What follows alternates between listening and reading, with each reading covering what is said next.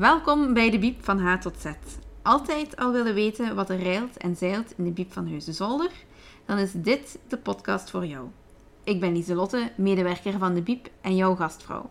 Vandaag heb ik mijn collega Sarah te gast om het te hebben over... Manga. Dag Sarah. Dag Lieselotte. Misschien beginnen bij het begin. Wat is manga eigenlijk?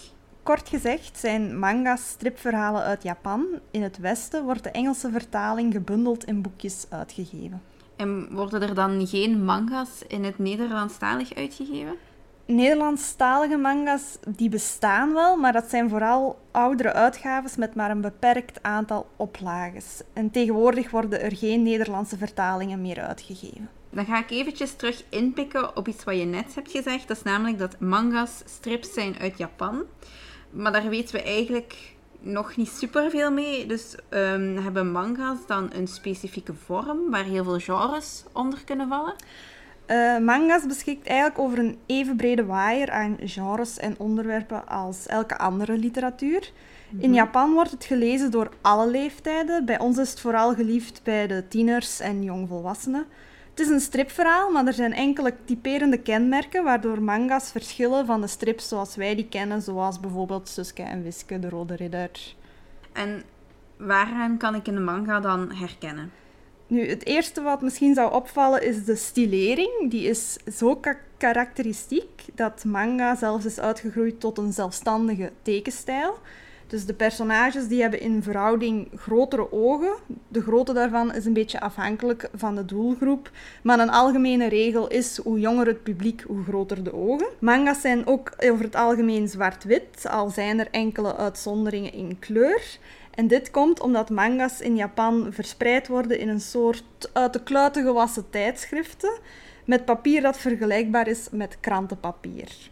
Dus sommigen herinneren zich misschien nog het weekblad Robbedoes, waarbij verschillende reeksen als feuilleton worden uitgegeven. Manga's hebben hetzelfde principe, waarbij verschillende reeksen uh, iedere week met een op, bij iedere oplage een vervolgverhaal verschijnt. Ah, dus de covers zijn een beetje misleidend, want die zijn wel altijd Ja, super kleurrijk. De, de covers zijn heel kleurrijk en ook al de, al de aanhang rond is ook altijd heel kleurrijk versierd. Maar zwart-wit wordt dus vooral gebruikt omdat het tijd bespaart bij het tekenen en ook bij de Mhm. productiekosten. En zijn er nog typische kenmerken aan de tekenstijl? Uh, veel tekenaars, dus voor hun is dat mangaka of mangaka. Ik hoop dat ik een beetje netjes uitspreek. dat gebruiken rasterarcering. En dat is een techniek waarbij je gradatie creëert door puntjes of streepjes verder van of juist dichter op elkaar te zetten om zo respectievelijk lichtgetinte op de oppervlakte of diepe schaduwen te bekomen. Mhm. En ook de bewegingslijnen in actiescènes zijn iets wat tot typerend manga gerekend mag worden van mij. Nu, ik had het net al over die covers. Um, die heb ik kunnen zien, omdat hier de laatste tijd heel veel dozen met manga zijn toegekomen. Want wij hebben met de Biep besloten een manga-collectie aan te leggen.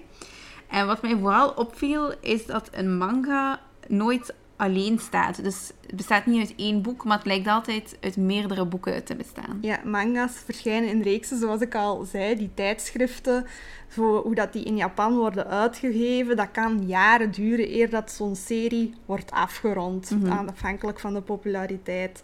Bij manga is er één concept dat over de hele reeks loopt en waarop met ieder boekje dat erbij komt verder wordt gebouwd. Dus ik zie het dan een beetje als een tv-serie in boekvorm. Mhm. Het beste is dus ook wel dat je dan de boekjes ook in volgorde leest. Daar hebben we gelukkig stickers voor. Ja. Dus dat gaat heel makkelijk staat zijn om heel te zien. goed aan de, op de zijkant aangeduid. Als ik zo door die manga's blader die je hebt meegenomen, dan heb ik zo de indruk dat ik die niet moet lezen zoals ik gewoon ben, want ik lijk de achterkant vast te hebben. Dat klopt inderdaad. Als je nu het eerste pagina zou openslaan, dan staat er eigenlijk al een waarschuwing van pas op, je leest de verkeerde kant uit.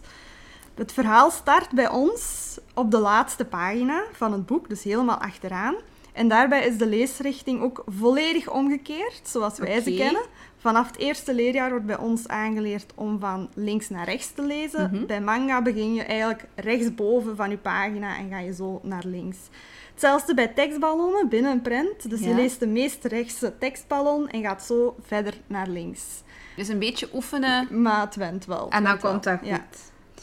Zijn we dan al klaar om in de tips te duiken die je mee hebt? Of is er nog iets wat je wilt toevoegen? Dus de leesrichting grijpt terug naar inheemse Japanse tradities, maar veel manga hebben nog verwijzingen naar de Japanse cultuur. Zij het door de locatie, dus er zijn veel manga's die afspelen in Japan, te gebruiken, het ge- zitten op de vloer tijdens Mhm. maaltijden, het voedsel of doordat er folklorische elementen in voorkomen, als geesten of demonen. En ik heb ook ondervonden dat manga een specifieke soort humor hebben die in de verhalen doorschemert, een beetje uitvergroot en absurd, Mhm. zelfs als het niet noodzakelijk om een humoristisch verhaal gaat. Daar ben ik wel benieuwd naar om die humor te ontdekken. Eh, je hebt uit al die reeksen die, zijn, eh, die nieuw in onze biep zijn, heb je er drie meegenomen om aan ons voor te stellen. Ja, inderdaad. Ja. Dus de eerste die ik hier heb liggen is Spy Family. Meesterspion met codenaam Twilight is ongeëvenaard als het aankomt op vermommingen. Wanneer de Koude Oorlog tussen twee buurlanden dreigt te worden verbroken, krijgt Twilight opdracht in contact te komen met een vijandelijke magistraat. De enige manier om die te klus te klaren is door een kind in te schrijven in dezelfde prestigieuze school als diens zoon, dus van de vijandelijke magistraat en zich voor te doen als een medeouder. Maar er zit een kleine verrassing in. De dochter die hij heeft geadopteerd blijkt echter een telepaat te zijn. Oké, plot twist, ja. Ze, ze kan gedachten lezen. En de vrouw die bereid is om zijn echtgenote te spelen, is na haar uren een koelbloedige huurmoordenaar. Geen van de drie weet van het geheime leven van de ander, maar ieder van hen heeft zo zijn redenen om deze nepfamilie te doen slagen. Het is een actiecomedie, dus het plot is verdeeld in allerlei, ook wel soms absurde missies. Mhm. Naast achtervolgingsscènes en undercoveracties zien we hoe dit niet zo alledaagse trio omgaat met de alledaagse problemen die er nu eenmaal bij komen als je een gezin hebt. Huiswerk, pestkop op school, voor schoolfamilie, hond. Ondanks hun duistere geheime leven houden de personages er wel hartverwarmende, hartverwarmende momenten op na. Dus de innerlijke monoloog hamert hard op de gevaren van oorlog, maar daar, dankzij dat humoristisch kantje blijft die toon heel luchtig. Dus de reeks is nu negen delen ver en loopt nog steeds. Ik ben er wel benieuwd naar, naar zo die spionfamilie die zowel huurmoordenaar zijn als problemen hebben met hun hond. Oké, dan gaan we naar, naar de volgende. Die is super kleurrijk. Ja. Daarom dat ik het over een misleidende cover zat. Ja. Dus ik ga die even wat dichterbij nemen. Je ziet ook, deze heeft iets grotere ogen, dus ook gericht aan een iets jonger publiek. Het gaat over de Apothecary Diaries. En dat speelt zich af in een fictief land, gebaseerd op historisch China. Het hoofdpersonage is Mao Mao. Dat is een jong meisje dat door haar vader is opgeleid in de kruidengeneeskunde. Zij wordt gedwongen om in het keizerlijk paleis te werken als bediende. Maar haar plan om anoniem een beetje de jaren van dienstbaarheid door te komen valt in duigen nadat ze met haar kennis van kruiden een zogenaamde vloek, tussen aanhalingstekens, op de erfgenaam van de keizer heeft gebroken. Haar actie trekt de aandacht van een invloedrijke eunuch. Mao Mao wordt opgenomen in de hogere kringen als een voorproever. Dus zij gaat de maaltijd van de, eh, Ja. de keizer voorproeven op vergif. Al snel krijgt ze te maken met de intriges van het keizerlijk hof, waarbij ze haar kennis als apotheker gebruikt bij het oplossen van allerlei mysteries. Mhm. Mij deed het op het eerste zicht een beetje denken aan de onderzoeken van Enola Holmes, van Nancy Springer. Ja, dus ja. ook een sterk vrouwelijk hoofdpersonage dat een tikkeltje excentriek is en dat met haar waarnemingsvermogen en nieuwsgierigheid mysteries oplost. Het verhaal is gericht aan tieners, zoals ik al zei, en de manga is nog lopende en bestaat momenteel uit zeven delen. En dan gaan we over naar de allerlaatste tip die je hebt meegebracht. Die ziet er heel eng uit. Ja, die ziet er ineens niet meer zo kleurrijk Nee. uit. Dus mijn laatste suggestie is een bestseller onder de manga's met meer dan 30 miljoen verkochte exemplaren wereldwijd. Dus dat kan al een Dat beetje kan tellen. tellen, ja. Ja. Death Note is een psychologische thriller slash mystery. En dat is eerder geschikt voor het meer volwassenere publiek. Dus je gaat ook zien, de ogen zijn weer ietsjes kleiner.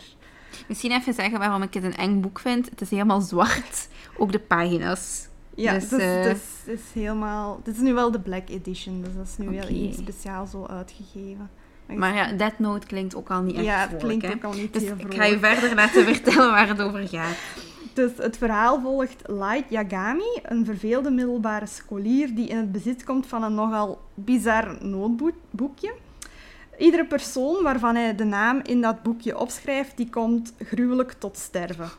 Dus okay. Light gebruikt het om de in zijn ogen corrupte figuren om het leven te brengen en zo een misdaadvrije wereld te creëren. Maar ja, is die visie wel zo nobel als hij denkt en mm. heiligt het doel de middelen? Dus de snelle stijging aan onverklaarbare sterfgevallen gaat bij de internationale politie natuurlijk niet onopgemerkt. Er wordt een eenheid opgezet onder een nogal eigenzinnige detectieve om het lichtjes uit te drukken. Het duurt niet lang voor die light op de hielen zit en zo ontstaat er een psychologisch kat-en-muisspel.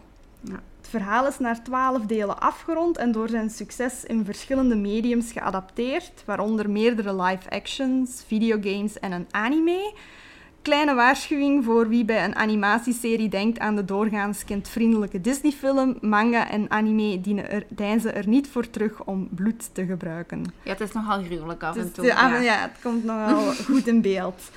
Ik heb ook nog een extraatje, dat is een weetje voor de liefhebbers van true crime. Maar België is het enige land ter wereld waarin er ooit effectief een manga-moord heeft plaatsgevonden. Luguber, oké. Ja. Daarbij werden er bij de stoffelijke overschotten van een man een Latijns teken aangetroffen. En dat vertaalde naar I am Kira. En dat is een verwijzing ging naar deze manga, want Kira is het pseudoniem waaronder de moorden worden gepleegd ja, meestal sluiten we zo af met een, met een vrolijke noot, maar dat is iets minder het geval. Oh, ja. maar dus, uh, ja, wie er, meer over, wie er meer over wilt weten, over van die weetjes, vraag het aan Sarah, zou ik zeggen. Um, en vanaf nu zijn dus ook alle manga. Het zijn er nog veel meer. Ik weet niet hoeveel series het in totaal zijn. Een stuk of twaalf. Dus er zijn twaalf series nu in de biep om te ontdekken, waarvan er veel dus nog niet afgerond zijn. Dan wil ik alleen nog jou heel erg bedanken, Sarah, om langs te komen. Dat is graag gedaan. Dit was het alweer voor deze aflevering. Manga-kenner of nieuweling, je kan nu grasduinen in onze spiksplinter nieuwe manga-collectie. En anders komen we elkaar sowieso tegen in de biep. Wil je op de hoogte blijven van nieuwe afleveringen? Abonneer je dan op ons via je favoriete podcastkanaal. Bedankt om te luisteren en tot de volgende keer.